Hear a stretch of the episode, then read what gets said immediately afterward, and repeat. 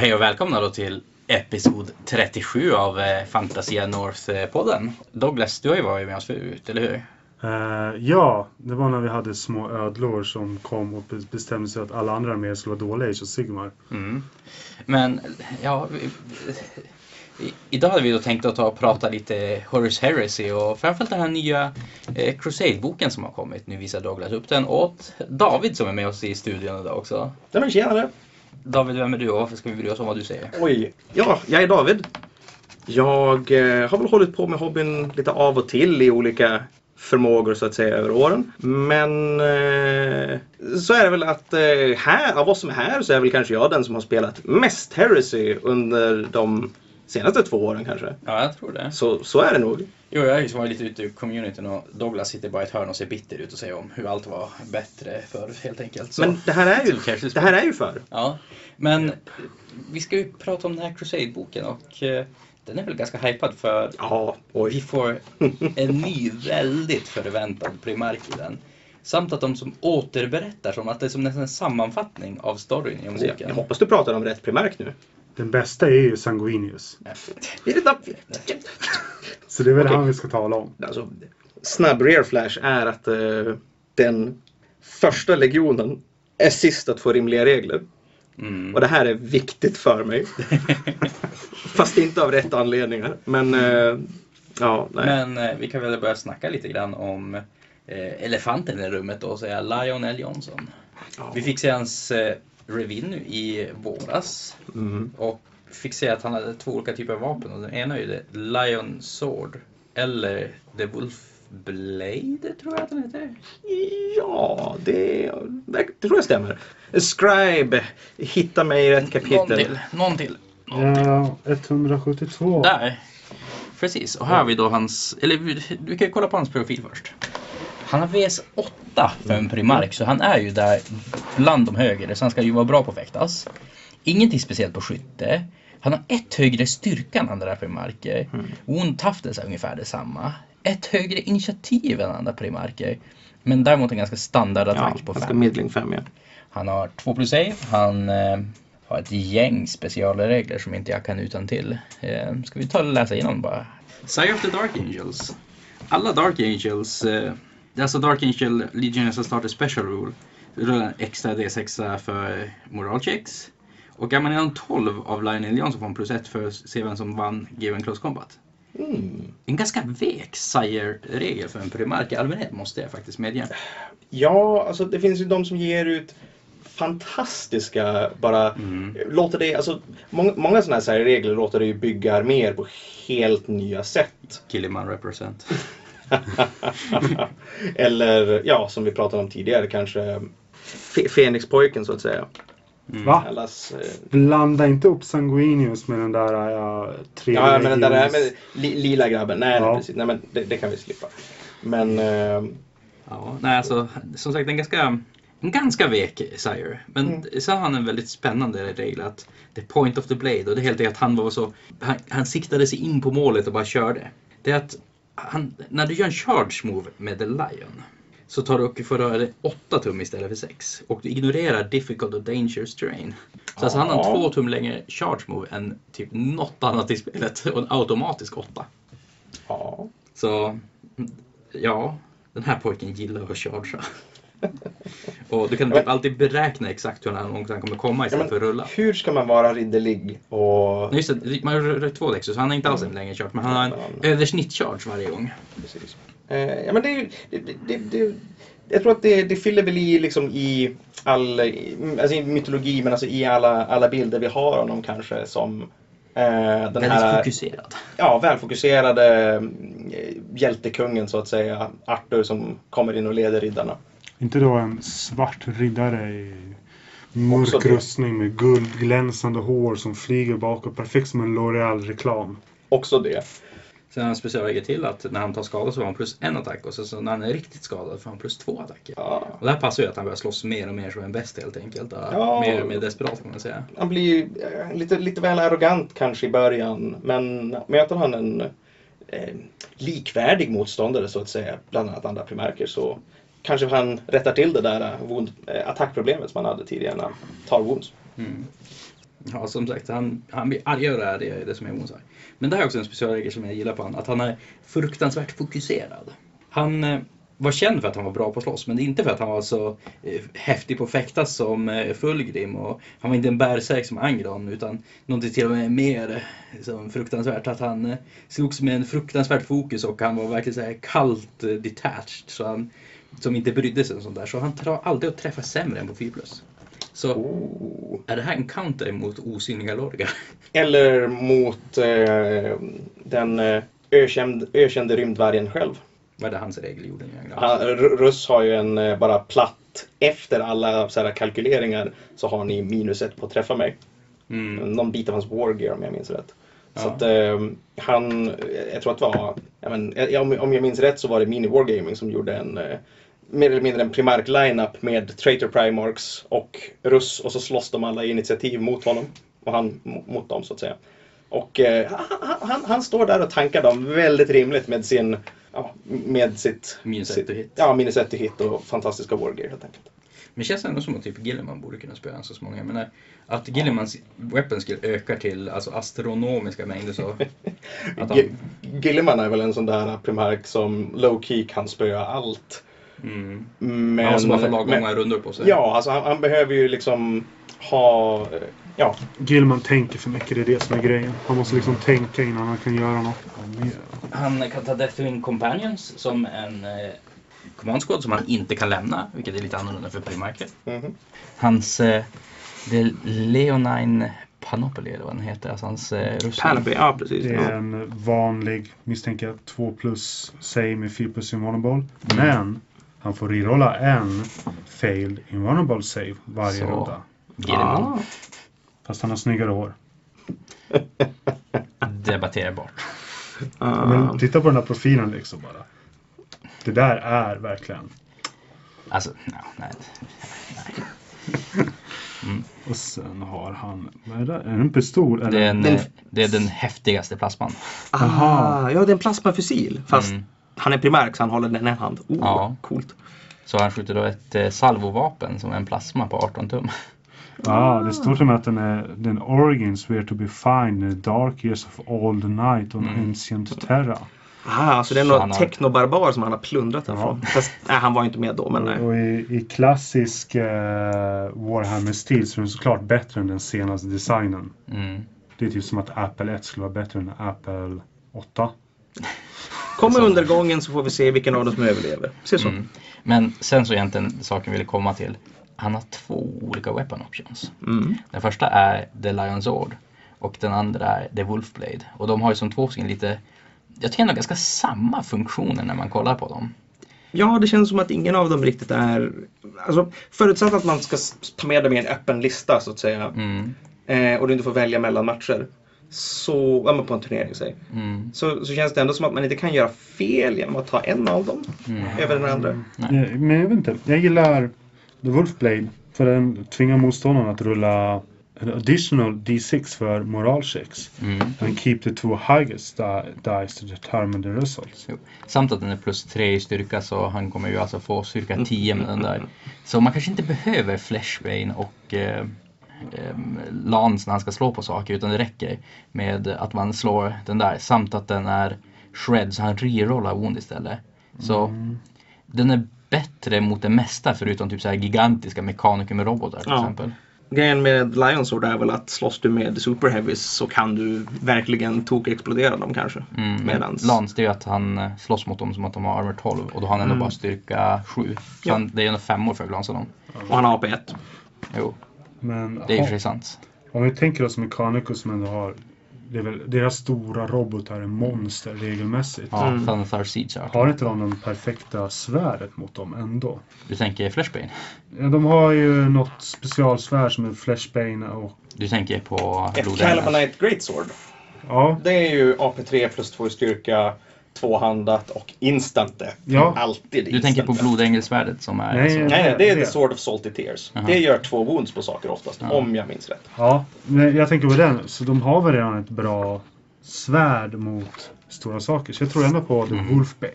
Plus att Wolfbane lät coolare än Lionbane.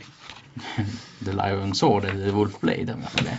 Jaha, Bane. Men äh, Wolfbane. Det, det, här låter ju nästan som Det här låter ju nästan som något som han har typ eh, Efter han slog ner Lemmarus att han gick in i hans eh, kommandohytt och bara Det där svärdet, mitt nu. Och gick Ja, därifrån. jag menar, vem Fast vet? Han, han är ju definitivt petty nog för att ha gjort det. Ja.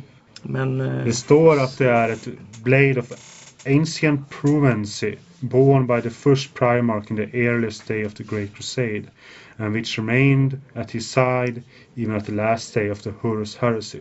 Så kejsaren råkade ge den åt fel person igen. Mm, Han skulle egentligen fått svärdet och Ja, fått så, där. så, så att The Lion skulle haft spjutet? Ja. Ah. Och det är därför de inte någon verkar ta. Ja, nej. Och det är därför han kallar spjutet för The Spear of Russ. Eftersom att namnet hade ju varit en big giveaway för vem det kanske egentligen hade varit. Mm. Ah, lär... Kan jag säga, i den här boken så står det också att eh, Lions, typ, alltså den primarken han gillade bäst var Jagatai Khan. Om någon var intresserad. De är ju lite av en odd match. Jo, ehm, men vad mer kan man säga i boken? Det, vi får lite reprint av Nightlords regler förutom att Sevatar för 35 poäng kan bli till den han borde vara. Han får ett AP2 Chainglaive istället för sin AP3 Rending Chainglaive. Och eh, ett Artificer Armor, så han går från att typ ha problem att spöa alltså generiska karaktärer till Ja, att ja precis. vara den Han, gud-duellisten han, han ska kunde vara. kliva in i, Ja, men, en, i, en, ja, men i en tactical sergeant och misslyckas fyra runder i rad. ja, Som jag har lyckats med fast med Custodes. Vilket är konstigt för vi alla vet att Savatar är den bästa primark... Nej. Inte primarken. Bästa. Space Marine på duellera. Han Mm. slog Sigemunds. Det kanske var mot reglerna men han slog honom. Men ja, alltså eh, på tal om den bästa eh, vad heter det, Space Marine så tänker jag att vi kanske skulle kunna ta och lämna den här boken och gå lite grann mot andra diskussionsområden och vi kan väl börja med någonting lätt. Alltså, jag tänkte vi skulle prata väldigt mycket Horace Harris idag helt enkelt och ja, allt vad det innebär men ska vi bara göra en topp tre av Jag de menar- hårdaste Space Marinesen? Det borde vi nu göra. Hårdaste Space Marine. Ja. Jag och Douglas håller ju uppenbarligen med om att Sevatar är på den här listan. Jag tror David Ja. också. Mm. Jo, Senator är... eh, Det finns ju vissa, typ, vad heter han, Raldoran, Blodängen, Corswain, Abaddon och eh, typ Eidolon. Alla de är ju som anses vara de här tokhårda Space Mm. Marinesen. Men alla är ju där på, på grund av att de är som lite grann hela paketet också. De är inte bara bra på att vifta. Nej precis, det finns, finns ju ingen av dem som egentligen som är med bara för att de är någon form av liksom stor murder hobo. Mm. Utan alla har ju liksom byggt på det här och eh, kommit vidare för andra kvaliteter också. Mm. Men eh, sen så vill jag också ta och nominera Sigge till den här listan. Mm. Jag tycker att Sigibus. Imperial Fist får inte vara med i listan. Han är ju en Black Templar då. Han var en Imperial Fist vid den här tidpunkten. Jag, jag, jag tycker att, eh, att Sigge kommer undan på den klausulen faktiskt. Mm. Okej, Att, ja, eh, jo. För Imperial Fist Han kopierade World Eaters med att ta kedja fast sitt svärd i handen. Ja, okej. Han är får vara med oss bara för att han kopierade World Eaters. Det var det som gjorde honom bra. på en teknikalitet, han kommer med. Det, men det är viktigt. Men Sigge är ashård. Jo, jag Det vet. är, det är han. Ta inte han nästan och han... Alltså, när Dorn först kom med hans regler tog Sigismund och slogs mot Dorn så spöade han Dorn varje gång. Mm. Men Så hård var Sigismund i spelet. efter det, efter Horus Heresy, jag tror det är det första Black Crusade, de möter ju Sigismund och Abaddon och duellerar mot varandra. Mm. Och Sigismund, som är en gammal man vid det här laget och knappt kan stå upp, låter det som, tar ändå vinner duellen mot Abaddon och kör sitt svärd in i honom. Men eftersom Abaddon har Lite remarkifierat typ kan man väl kalla det. ja, och fått massor av warp Ja. stuff in sig. Alltså han- Så tar han ett svärd i magen och bara jaha, ungefär som Urkajen i Sagan om ringen. Lurtz heter han om jag. Och sen så snappar han Sigismund i två delar. Men det säger ändå en del om hur hård Sigismund Ja. är Ja. mot andra Space Marine. Mm. Eh, vad ska man säga? Han, vid den där punkten så är ju Abaddon Everchosen eller vad vi ska kalla det. Mm. Fast det var inte det Arcane. Nej men eh, låt oss båda vara överens om, här, alla tre till och med, Mm. om att det finns en viss overlap Mm. med eh, Archeon, Big Abaddon, Bands ja. och eh, ja. Slayer of King, Mm. Drash, Niel och vad fan hans svärd heter. Drachen, ja. Ja. Här kommer väl problemet. Vem är nummer tre på listan? Jag skulle vilja nominera Khan the Betrayer. Ja.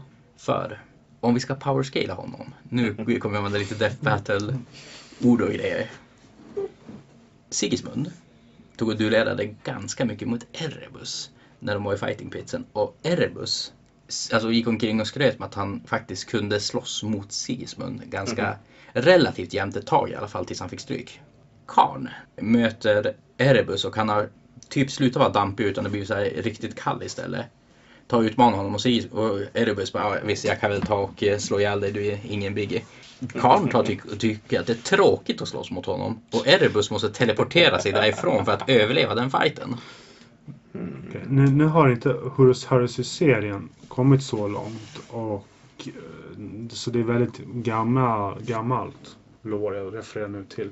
Som kanske kommer att ändras i framtiden.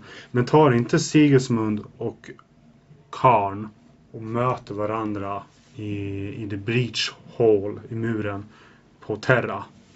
Och Sigismund spöar på Karn så hårt så att han halvt död, halvt levande måste bäras bort av hans cornberserkers.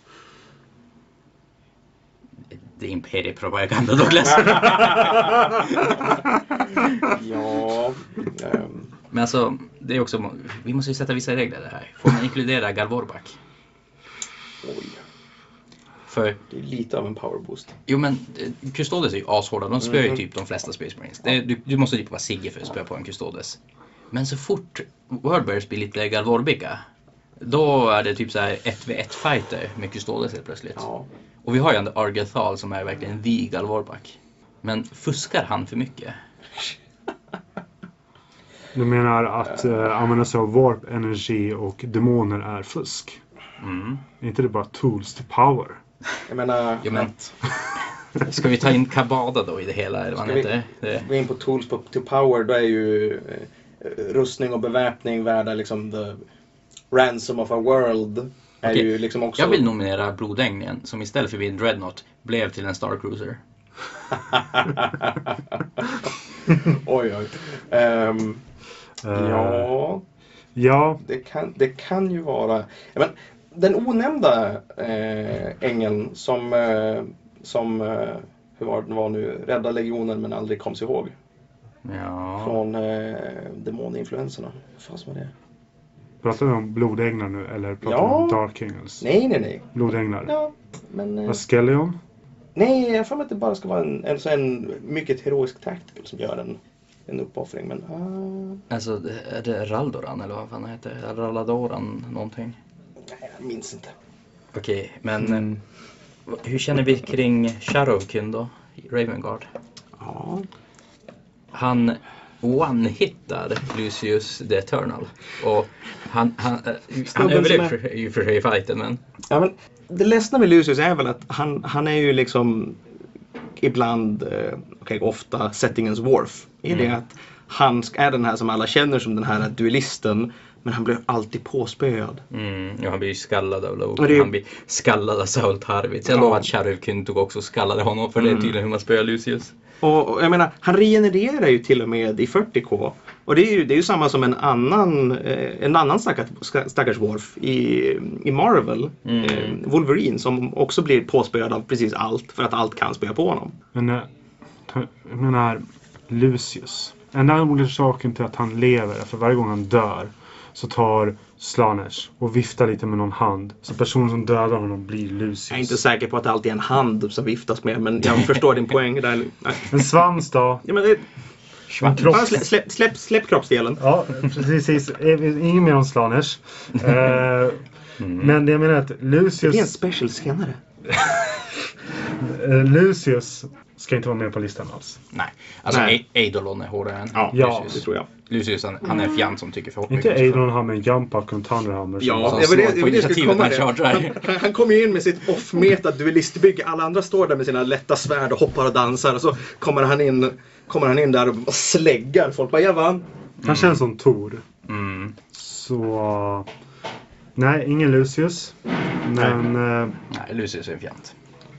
Vad är vi någonstans? Vi fortfarande bara på plats tre. Mm. Alltså topp tre, det, det är ingen ja, speciell ordning. Topp tre. Så, så vilka tre har vi? Vilka två andra har vi egentligen sagt ska vara med i listan? Vi är tre. Sigismund Ja. och eh, Servatarion. De två är ganska uppenbara. ja. Och du vill ha Karn som den tredje. Mm, för jag tror att han är tok jävla hård efter att han har byggt om Gorchild. Ja. Nu har jag ingen blodängel med den här listan. Det går inte för sig tycker jag. Vad heter han? Raldoran och Askelon. Det- Men jag tror tyvärr att Askelon, han är bara en bra bodyguard. Han är bara Watch out Mr President och det är det han är bra på. Medans, nu, jag glömde, att- heter han Ralladoran eller Raldoran Ja. eller? Jag tror Snubben det som står och torkar av jättetjonkigt blod från sitt svärd som modell. Ja. Han är mera att han är hela paketet. Alltså han är så well-rounded att han Mm. kan göra allt. Ja, jo. Nej, och Askelon, ska jag vara helt ärlig. Även om jag älskar blodänglarna. Så känns det ibland som att Askelon är den mest kända Sanguinary Guard som har levt. Kanske inte för att han var bäst. Mm. Utan för att han var den enda Ja. som överlevde Horus Heresy. Ja, ehm, Det, då, det- jag köper den idén. så jo, Så du säger att eh, blodängeltransporten upp i rymden hade 300 platser. Sanguinis hade 300 Sanguinary Guard. Men för att själv få plats blev han tvungen att slänga ut en Sanguinary Guard. Och då bara, eh, du! Ja, Men han blir ju kvarlämnad i palatset på jorden. Men nu minns jag inte, är inte han very bulky? Han borde ju tekniskt sett behövt slänga ut tre. jo men, Jo, jag förstod. det. Eh, eh, Så- för att förtydliga er som spelar för Go Very... Nej. det är en specialregel att du är värd tre personer i en transport. men ja, Men inte Jump Pack Marines är bulky av sig själv. jo. En jump-pack. Så det, det är bara 150 Sanguinary Guard som går in till en början med. Mm. Dumheter. Ja. Mm, nej, så... Abaddon nämns ju också på den här listan. Och Corsair. Ja. Corsemain vet jag inte vem det är. Det är, eh, han beskrivs som att han skulle förmodligen ha blivit en av de större legenderna. Mm. Om han inte hade varit på ett, en viss planet som sa kaboom och flög ut i rymden. Eller tillhört en viss legion som inte Mm. gillade att skryta ens motvilligt. Men däremot, jag tycker inte Corswain är värd att vara på den här listan. För det finns ju en Dark Angel som är hårdare än Corswain. som alla bara glömmer bort. Som vi typ inte ens vet namnet på. Det är Neman Lion eller vad han heter. Alltså den här ja, Black Shield. Black Shield-chefen ja. Han är otroligt jäkla hård. Det här är ju en Ja. snubbe som faktiskt kan slåss i spelet mot Sigismund. Mm. Och det säger ju hur jävligt hård han är. ja. Sen skulle jag också vilja Och- göra en shootout för en annan favorit jag har. Garvel Loken som får ett hus på sig. Kravlar sig ut. Och bildar Grey Knights. Fast eh, han eh, är en eh, typ eh, tänk dig Schmigo-like karaktär som springer omkring och skriker My Precious och mördar eh, byborna ett tag innan han blir kurad efter Det- huset och ramlar på. det- De hade väldigt få kom ur Harrison utan problem. Henrik. Mm. Så är det ju. Det- det- Men, men apropå, vi var in på Black Shields. Jag tycker ju att om någonting, nu när de släpper väldigt mycket till Dark Angels, att det hade varit väldigt kul att få en, en ehm, att, att få ut någonting som skulle representera kanske The Nemean Lion som lämnar, ja, men lämnar större delen av eh, av The Dark Angels bakom sig. Och liksom bildar den här, för jag tänker det att han, han går ju som inte ut själv liksom sätter sig i sitt skepp och åker liksom en enkapslare bara iväg. Utan han, han drar ju med ett gäng hoppas jag ändå. Och jag hade velat se liksom regler för att spela det gänget med, med The Nemean Lion här. Eh, men eh, det är väl kanske min min eh, caveat här, om boken hittills Mm. av det jag har läst i den. Sådär. Ja. Nej, alltså. Men, men åter till listan ja. Hmm. eh, jag skulle vilja ta nominera den okända Salamander som man har kittat med Elder Drake Mantle och Stormsköld. Vänta, vänta, vad? Va? Det låter som att jag har missat någonting här. Du kan göra en eh, alltså, helt vanlig Salamander Ja. Predator till Eternal Warrior med 3 plus inno save, 2 plus save och ett styrka 10 vapen. Det, det. Eh, ja, eh, Eternal Warrior är en så pass sällsynt regel att du omedelbart är Inte jämställd. bara Eternal Warrior utan också 3 plus inno save. Ja. Och ett Mastercrafted Thunderhammer. Jag menar, nog för att göra det till ett hot för vilken primärk som helst och nog, nog hård för att göra dig liksom Chansen att, att du blir ihjälslagen är lika goda som att en annan primärk blir det. Så att, ja. Mm. Så sagt, alltså de egentligen i spelet, de absolut elakaste, det är ju Nemean Lion, Sigge och den där jäkla salamandern. För de kan bli Eternal Warrior. Den där ansiktslösa Ja. Men rent regelmässigt så är det ju att Sigge och Sevatarien har båda instant death på sina attacker. Mm. Så, ja, men jag tycker ändå att Sevatarion och Sigge är de två stora. ja. Men om vi ska ta då och rösta in dem har vi sagt. Men då, om, utan vad vi har sagt. För jag Men okej, men vilka är det som är nominerade? Kan vi? Vi har Mm. Karn. Karn. Jag tycker om Blodängel men jag kommer inte få in någon. Ingen Lion. Neven Lion. Abaddon. Eh, Shadowkin typ och sen... Ja, jag försökte med Garver Luken, fick någon likhet till Gollum så eh, han Ja. försvann väl också. Mm, Så då har, då har vi fyra. Vi har Karn, Ravengard-pojken, Ravengard-pojken, Abaddon. Abaddon och Nemian Lion. Mm. Och det är väl någon av de fyra som man borde sätta in på Ja, men det. jag, jag vill ha in Lion. Alltså Va? Nemean Lion. Där. Mm. Då skulle jag ändå vilja säga Abaddon. Jag menar... Alltså han- alla vet ju att det är Karn på den här platsen. Nej, nej. Oj, då har vi en trepartare här. Ja, men jag menar Abaddon är ändå den mannen som efter Horus Heresy går vidare och gör att vi ens har någonting efter. Ja, Men, men vad har hans- det med bra att slåss med att göra Douglas? Och, och att bra, och bra just nu. Jag menar, Ja. vid den här punkten så är ju Abaddons eh, kraftnivåer väldigt begränsade kanske. Jo, men Alltså, hans kraftmål beskrivs ändå så pass Han var bara häftig i första boken för att han var först. När det började komma riktiga karaktärer fick Abaddon så råstryk i spelet. Men jag menar, han beskrivs ändå vara liksom lårmässigt vara så kraftfull att folk tror att han är en klon till Horus. Men-. Jag tror att det är bara för att han är stor och bufflig och han är relativt bra i en legion som är, relativt bra. som är relativt bra på allt. Men inte nödvändigtvis att det finns någon som riktigt sticker Nej, ut. alltså det, det, det, det, det de här egentligen hade för sig, det var ju att, jag menar de, de vi... De gjorde det som behövdes, typ det där hela, Ja, ja, men- hela fighten när Lucius slåss mot Ja. Loken. Nej, men är de, ju att Loken vet att han är mycket sämre på att fäktas. Men vad gör han? Han fäktas inte, han skallar Lucius. han brawlar med honom. Ja, så han gör inte det till en fäktningsmatch och det är det som gör Luna Wolves ens till så bra. Att de har sina egna regler på något vis. Då skulle jag ändå... Okej, om vi ska bryta dödläget då säger jag ändå Nemian Lion. Alltså, ja, eh, jag som host idag på podcasten säger att Karn är den tredje. Nu, nu, nu är det fixat.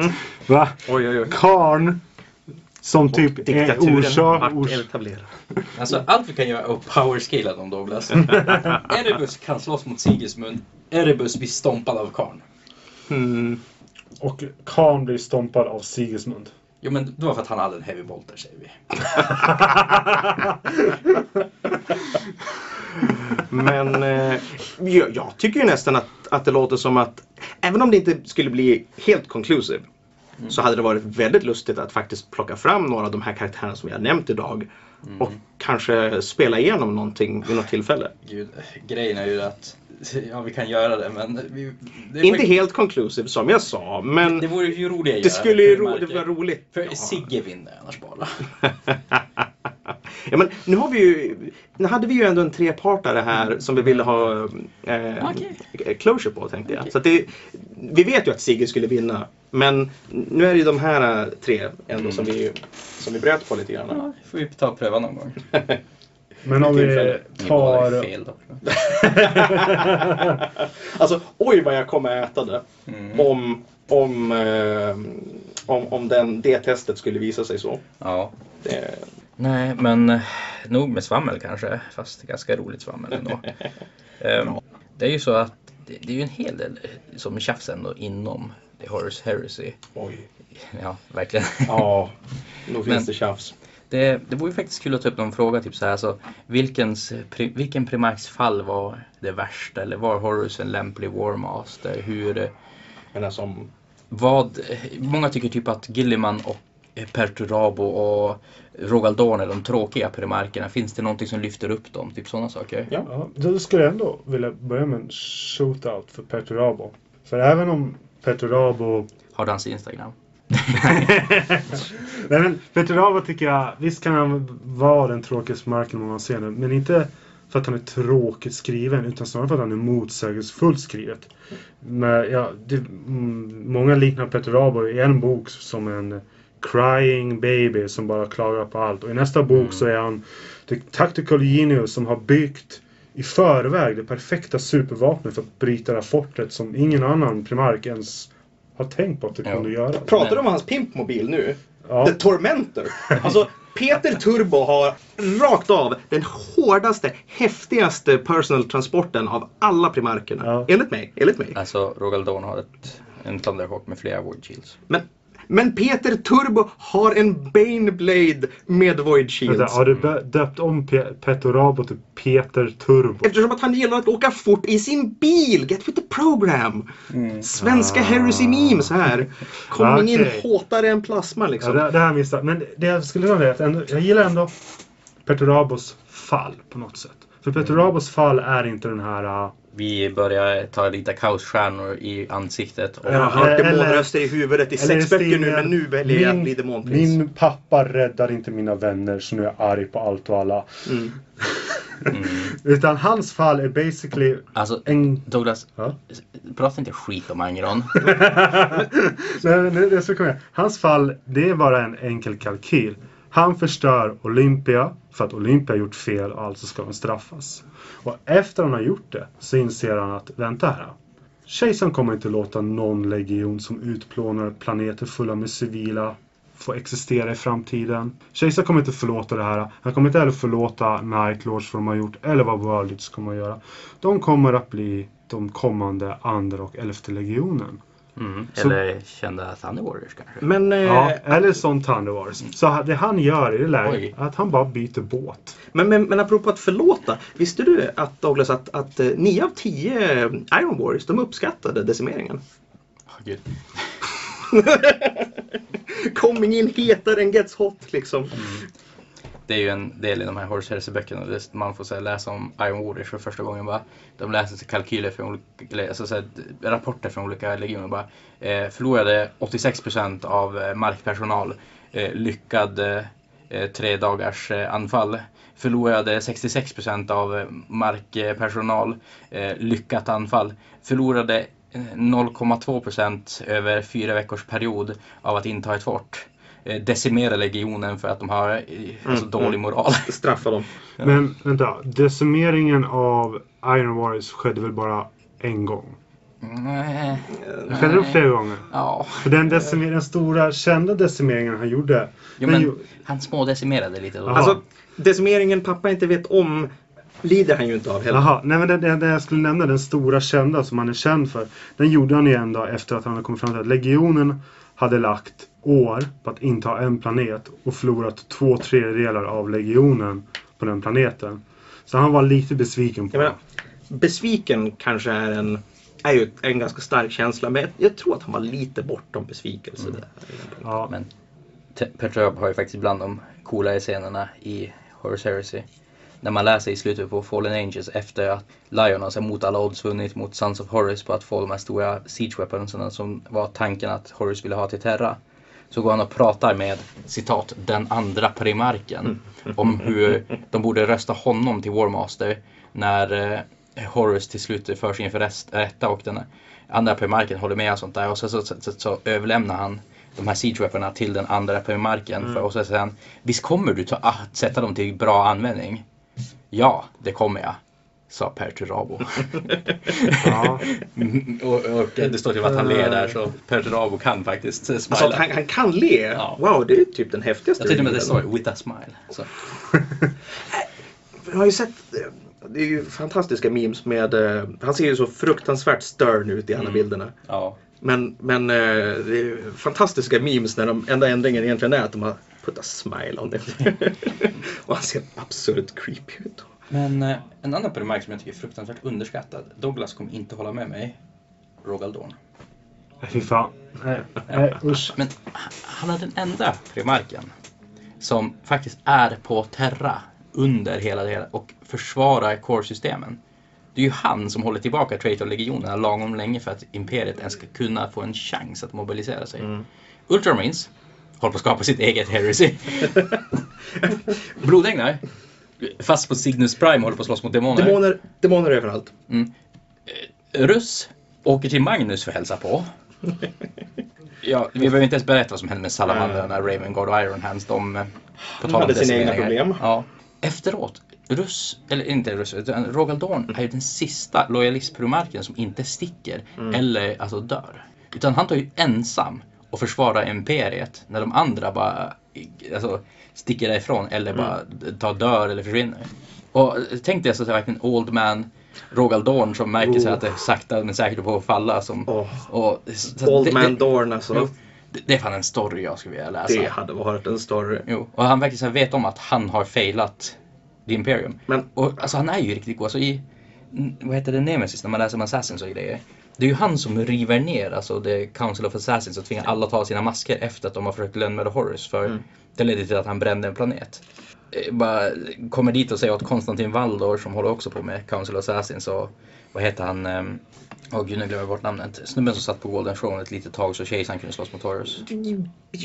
Ja, Malkador. Malkador, the Sigilite. Jo, och visar att han är Master of Assassins så, Mm. så håller på att läxa upp dem. Men så helt plötsligt så visar det sig att eh, skuggan i hörnet var egentligen ingen skugga utan det var det mäktigaste ljuset som fanns och kejsaren var med på councilet. Och bara oj, eh, förlåt pappa, jag menar inte. Mm, åh. Men han var ju så väldigt säker på att han hade rätt. Och han kanske hade rätt. Men inte ens han skulle säga att han hade rätt när pappa stod där. Nej.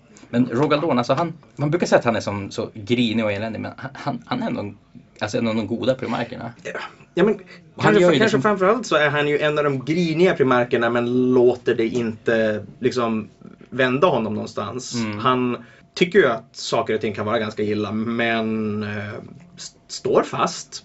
Mm. Vilket är hans grej. Men eh, han, han står fast, håller kursen och fortsätter efter att de andra har gett upp eller Mm. har liksom nog med despair för att liksom söka drastiska lösningar. Mm. Sen till den här skalan så ska jag förmodligen också så att Gilliman, men han slutade vara i den skalan han blev resurrectad och det som var coolt med honom försvann. Därför att han offrade Nice. sig och alltså sättet han dog på var ju en del av det som gjorde honom häftig. Att han faktiskt Mm.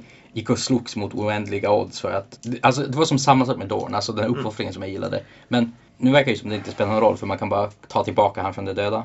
Ja, men det, lite grann det som, det som gjorde han cool var ju att han, han var ju han var ju en primär som hade väldigt mycket åsikter om saker och ting. Mm. Och hans åsikt var ju också att han, hans åsikt var rätt. Och det som, det som faktiskt gjorde honom cool var ju att han var ju faktiskt villig där i slutändan att, att, alltså att sätta, jag menar att, att, att betala för sin åsikt. Att, Mm. att liksom inte backa ner från dem att säga att nej men jag vet att jag kanske inte kommer klara igenom det här men jag kommer att jag kommer att försöka. Jag kommer att, jag kommer att ge mitt allt för den där chansen att lyckas. Jag kommer att pressa vidare. Jo. Men Så eh, att, också hur vad han lä- efterlämnade till Imperiet. Jag gillar ju jämförelsen du drog eh, häromdagen Douglas. Att eh, det var ju lite grann som att Julius Caesar skrev hur han slogs med sin legion mot gallerna. Och sen typ så här 200 år senare när allting har förändrats så följer alltså romerska legionerna den här boken perfekt. Oberoende alltså vad som händer. ja, och det det enda de gör. Oberoende på liksom faktisk aptitud och... Du, får, du blir inte promotad till så högre och högre platser beroende på hur lyckat alltså ditt korståg var eller vad man säger. Utan det är hur bra du följer boken. Ja, precis, det är läxläsning och glosinlärning. Nu ska, nu ska vi se här i vår bok. Det står att de fina använder sig av kavalleri utan rustning och tungt infanteri. Ska vi säga. Vad har fienderna för någonting? De har tungt kavalleri. Står det någonting i boken om tungt kavalleri?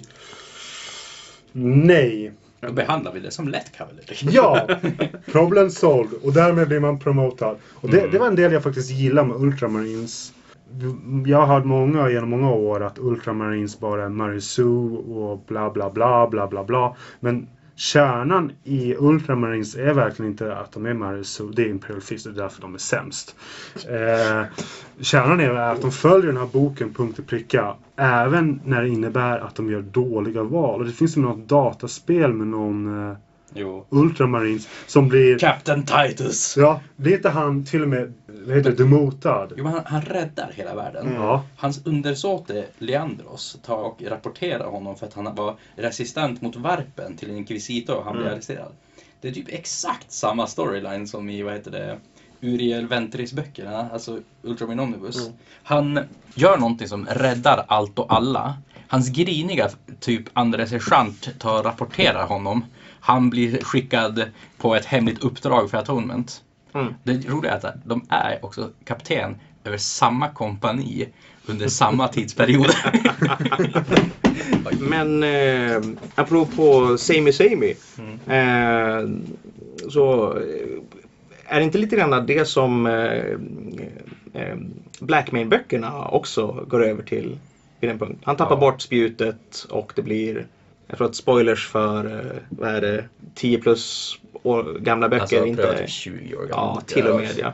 Det är De har nej. blivit reprintade så många gånger. Jag Och det skriver typ faktiskt. alla Spacewal Codex en liten Ja. här. Ragnar tar rustspjut, kastar i ögat på Magnus. Deras största fiende. Magnus, istället för att invadera The Fang, sticker tillbaka med varpen med spjutet i ögat. Ragnar får skit för det hela. Mm. Du har tappat bort spjutet. Han tappat bort det. I fucking threw it in his face. Hade, hade storpappa Varg varit här så hade han fucking skrattat och bjudit på bira. Mm. I i och för sig så kanske han inte gillade det spjutet. Han, han kanske hade liksom muttrat om det var i hans yxa eller svärd. Men Ragnar, sist jag kollade, levde i det 40 millenniumet. Men vi, vi var ju inte låsta till 30 kvar. Nej, nej, jag bara tänker att nu har vi hoppat Ja, 10 000 okej. år. Men, Nej, men vi pratade om Rogal Dorn och Ja. eh, Gilliman. Gilliman, och jag tyckte att Ultramarines, hur de utvecklas med sin bok, vilket är främst 40 000, är väldigt bra story arc för dem. Och sen så tycker jag personen att med Imperial Fist, de är verkligen det många, för mig, vad många brukar anklaga Ultramarines för att vara Marisu. De är bara bra. Ja, men, Punkt. jag minns jag, förra gången som jag riktigt läste om, om Ultramarines, återigen så, Mm. det är ju, det är ju under eh, när det, när, kors, när det svarta korståget är på riktigt. Mm. När, när de, eh, ja, när, de, när de anf- anfaller Cadia, helt enkelt. Eh, så dyker de ju upp där med phalanx och har, ja men det är så här, ha, ha, är med men inte Men så overpoweringly so, så att säga. Det är så typ så Imperial Fist. Det är samma sak med typ Alexis Pollux. När han håller på att spöa skiten ur Perturabo i rymden. Får typ ett eh, alltså, så här, röstbrev från eh, Rogal Dorn att eh, vi, vi, vi behöver folk på Terra. Det är lite tomt på murarna här hemma. Mm, mm. Och då tar de bara, vi kan stanna och sänka Perturabo. Kanske, men det ser bra ut. Men kanske. Mm. Eller så behöver vi fly och få tokstryk. Vad gör Ja. de? Jo, de flyr och får tokstryk. Men Ja. jag har, nu har jag inte läst hela boken, men jag läste specifika slaget med Alexis Pollux. Mm. Och det kändes verkligen så när jag läste att antingen så är det här propaganda skrivet av Imperiet. Mm. Så det här hände egentligen inte. För det är verkligen så här typisk propaganda-story. Vi har de här uh, Imperial Fist som har förlorat en tredjedel av alla sina skepp när de hoppat genom varpen. Mm. Nej, till och med. Jag tror de var 1500 skepp och de var 500 skepp efter warpstormarna. Och de har förlorat sin commander. Det är därför Alex, Alexus Pollux tar över. Och Alex Mm. Pollux känner så här, men vänta, jag har aldrig lett så här många skepp tidigare. Så det här är hans första mission med det här uh, ansvaret. Och han tror inte att han kan hantera det. Men han lyckas ändå börja få dem att träna. Och de tränar intensivt försvar för de vet att när som helst kommer förmodligen vi bli attackerade för vi, de är sitting ducks Mm. där. Och sen så kommer Iron Warriors Och ut. senare beskrivs att eh, alltså, Perturapus flaggskepp är det första som bara varpade in. Ja, ut ur varpen och in. Och här är en viktig grej. Ja, de har tränat massor försvar och förberett för det här momentet. Men de har inte tränat för att möta en sån stor flotta som de möter. Roughly 500 skepp, de har 460 någonting. De har inte tränat mot för att möta en eh, Primark. Och de har inte tränat för att möta en Iron Warrior-flotta, alltså den mängden eldkraft. Så de har inte tränat för det de möter. Nej. Det, Och sen, det som händer efter, de förlorar inom Douglas, loppet av minuter. De hade säkert en, vad heter det, Codex Astartes där någonstans. De var förberedda på allt. Men det står så i, i, inför slaget i boken. Det var innan Codex Astartes skrevs Douglas! Jag vet! Men om jag får komma till punkt är inom loppet av sitt minuter eller en timme, men liksom första skedet slag förlorar de en tredjedel av sin eh, flotta. Mm. Och sen, sen lyckas de utan att Alexos Pollux kan ge någon order för att deras kommandostruktur är helt sönderbruten. Men deras träning kickar in och liksom naturligt formerar de en försvarslinje och besegrar Iron Warriors. Och de besegrar dem så hårt så att om de hade fortsatt så hade de besegrat hela Iron Warriors-legionen. Eh. Och det är så här, Som det är skrivet i Ja. boken så är det att det är öppet huruvida de hade faktiskt vunnit eller inte. John French har sagt att de skulle ha vunnit stort. Jo, men Det man ska inte lyssna på individuella archer. Så Men det är han som har skrivit I den. så fall är, är både Fire Warrior Ja. och första Dawn of War-boken av CS GoTo kanon. Oh ja, det tycker jag. nej. Fire Warriors borde vara kanon tycker jag. Så Ja. Okais, en vanlig Fire Warrior, Ja. döda, alltså Bara nej! Äh, Bara alltså- nej! Han, han samuraj svärdar ihjäl Space Marines. Oh ja. En Fire Warrior. Oh ja. Han spelar men, en Great Dare Demon. oh ja. Nej, men jag, jag, jag Han förstår. pratar med Brian Blessed. Jag förstår vad du vill säga. Att, alltså att, och det är väl det jag tycker är problemet med eh, Imperialist. Att mycket Imperialist lore skrivs av John Franch. Och sen har jag lyssnat på flera intervjuer han har haft. Han gillar att sen droppa intervjuerna saker som han inte fick skriva i böckerna out loud. Som att dödade Rogal Dawn Alpha Legion Primark eller inte. I boken är det typ som i stil med Jo. Men det är många Alpha författare Legion. som gillar att vara kontroversiella Och sen- i sådana intervjuer. Jo, just det. Ja. Jag tror faktiskt att det här är lite, lite on topic men off topic. Ja. Jag tror att både Rogaldorn och Gilliman har tagit döda varsin Alpha Legion Primark. Jo, jo. Men eh, jag tror också det finns en tredje kvar. Men jag känner också allt, samtidigt så det ska aldrig vara 100% säkerhet med Alpha Mm. Legion. Och det är det han typ så här, i boken är det inte 100% säkerhet. Men sen i en intervju då säger han bara rakt av, nej det var till och med Alfarion, en specifik Primark av dem, som han dödade. Och det känns lite mycket Matt Ward över honom. Mm. Och en annan legion eller chapter. Men eh, jag gillar att du tar upp träning där. Det är en ganska viktig punkt faktiskt genom Harrison. Att det är väldigt få faktiskt legioner som har övat rakt ut på att slåss mot andra Space Marines. Mm. Alltså, alltså i dueller mot varandra har de ju övat upp väldigt mycket. Men just den här, så här dödar taktiker och hur liksom så här, vapenfokusering och mål och sånt där. Mm. Att i början av Harrison så är det väl bara egentligen eh, Typ eh, Red Hands och Red Helm som Ja, alltså... till- censurerade för att de tog fram taktiker på hur man skulle spöa Space Ja men precis, alltså, det, det, det ska väl vara, alltså, i, i, i början, narrativt öppning så att säga, så ska det väl vara eh, Dark Angel som kan efter, eftersom att de har relevant kunskap nära nog. Space Wolves eftersom att de har gått och gjort hemska saker. Mm. Och oj, och sen är det... Röda hjälmar Ultramarines. Ja, ja. Vi vet att du gillar Ultramarines. Alltså, Det- bästa legionen är ju Nightlords. Ja. Näst bästa legionen är World Men- Eaters. Men vänta här nu. Tredje bästa legionen Smurfy. Och det här är fakta. Men, men, eh, men vänta här nu. Eh, Night- Nightlords har ju också rött på hjälmarna och är blåa. Nej, de har rött på händerna. Nej, Nej, de har hjälmarna. rätt. De har rätt på insidan av hjälmarna ibland. Har du på händerna, då är du ju liksom caught red-handed. Då är du ju, det, that's a bad i, i Nightlord-kretsar. Jo, alltså du är ju dödsdömd om du har, men det är bara att de tar delayade så du kan göra bra saker tills dess. Det är ju en av deras apotekare som jag får tänka på nu bara. Ja, eh, den här killen börjar ut, alltså dissekera sin egen legion, alltså for the fun of it. Och han bara, Mm. fan, vi borde ju egentligen döda dig Mm. för du är för fucked up för att ens vara en nightlord.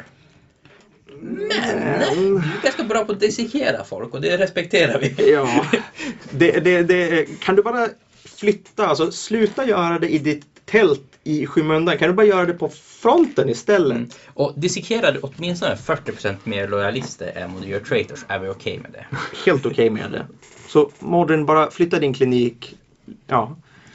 Mm, and did unspeakable things to friends and foe alike on Unspeakable Fist things. Five.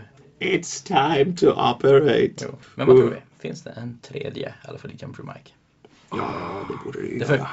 Det är det är ju liksom i hy- deras talesätt. Jo men också Alpha Legion Hydran Mm. har ju tre huvuden.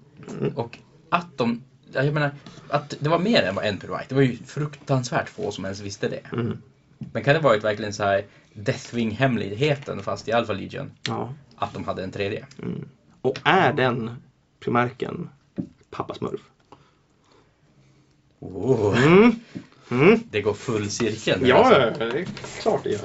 Är, min enda tanke med, nu, nu är det lite sent för nu vet vi liksom uttryckligen i böcker att det finns en Alfarion och en Omega. Mm. För de till och med pratar med varandra i böckerna. Ja. Men jag hade verkligen gillat om man ändå hade behållit Alpha Legion som de var för mig när jag började läsa Warhammer Lore. Då var verkligen Alpha Legion det finns en primark eller två primarker eller ingen primark eller alla är primarker. Jag, jag, jag tror att det är så att... Jag måste gå, gå lite längre ner, alltså the rabbit hole nu. Ja. Gör det. Man brukar säga att andra legionen och är det elfte legionen Ja, elfte. som är borta. De tillsammans blir ju vad heter det, smurfarnas legion om man skulle lägga ihop dem. Kan det vara så att det bara fanns 19 legioner och de två tomma slottsen är Alfarius, Omegon, Gilliman? För hans symbol är ju också Ultra, om det skulle spela någon roll. Kanske. Jag menar, ja. Eh, mycket rabbit hole. Men, men ja, jag gillar det. Eh, Jag kan ju säga förmodligen inte, det För- var nej, fruktansvärt vild spekulation. Men alltså, återigen, jag tror, att, jag tror att det här du säger med böcker, att man önskar att man kunde liksom att det var som det var innan, med, Ja. när man började läsa. Jag tror att vi alla kanske har önskat någon gång att man kunde läsa om en bok med samma, alltså från scratch, utan att veta det man vet nu. Better a year. Den, den är väl läst hemma på min bokhylla. Mm. Alltid när Douglas säger någonting som gör mig ledsen går jag hem och läser den. Karl förtjänar att vara på topp tre. Om man inte har någon logistik.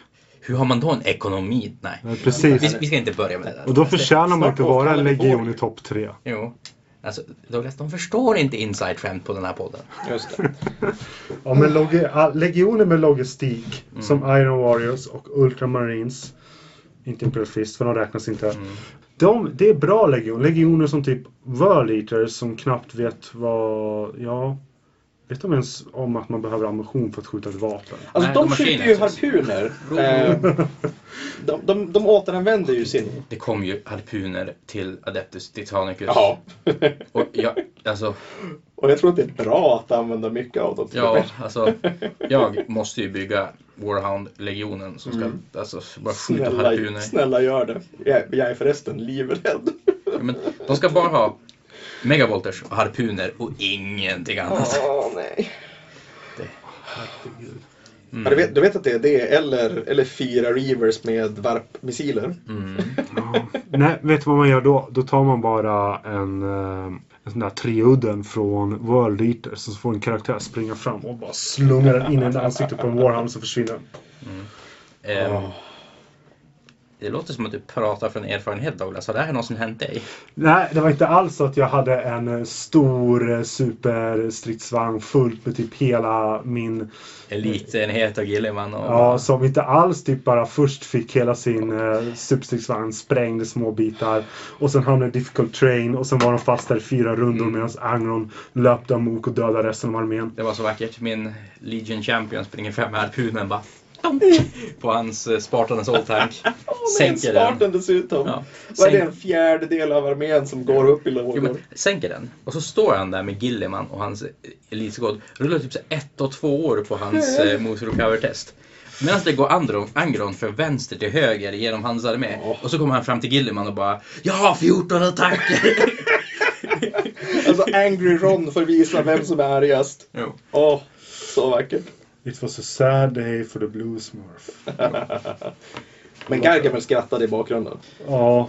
Jag tycker vi kan ta avrunda. Alltså, Så kan vi göra. det är jättekul och jag tar gärna och rantar på mer för det här känns ju som att det är typ 10 timmar content kvar minst. Så kan det vara. Ja.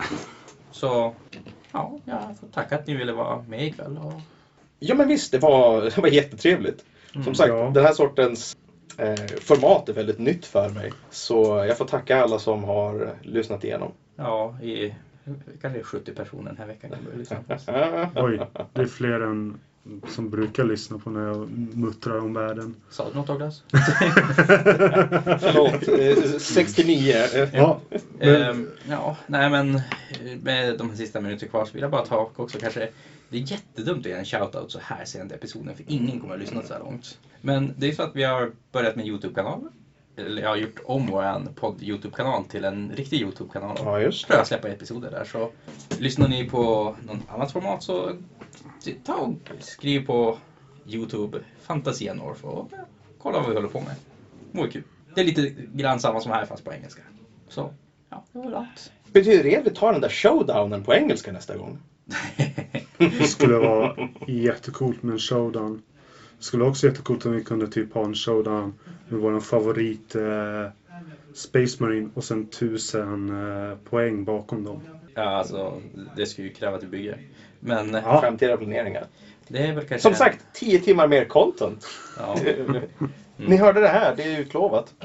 Nej men eh, det här var då vädret från Henrik, Douglas och David. Hej då. Hej då. Vidare till sporten. Och sen så kommer Henrik klippa ihop allting så att man hör bara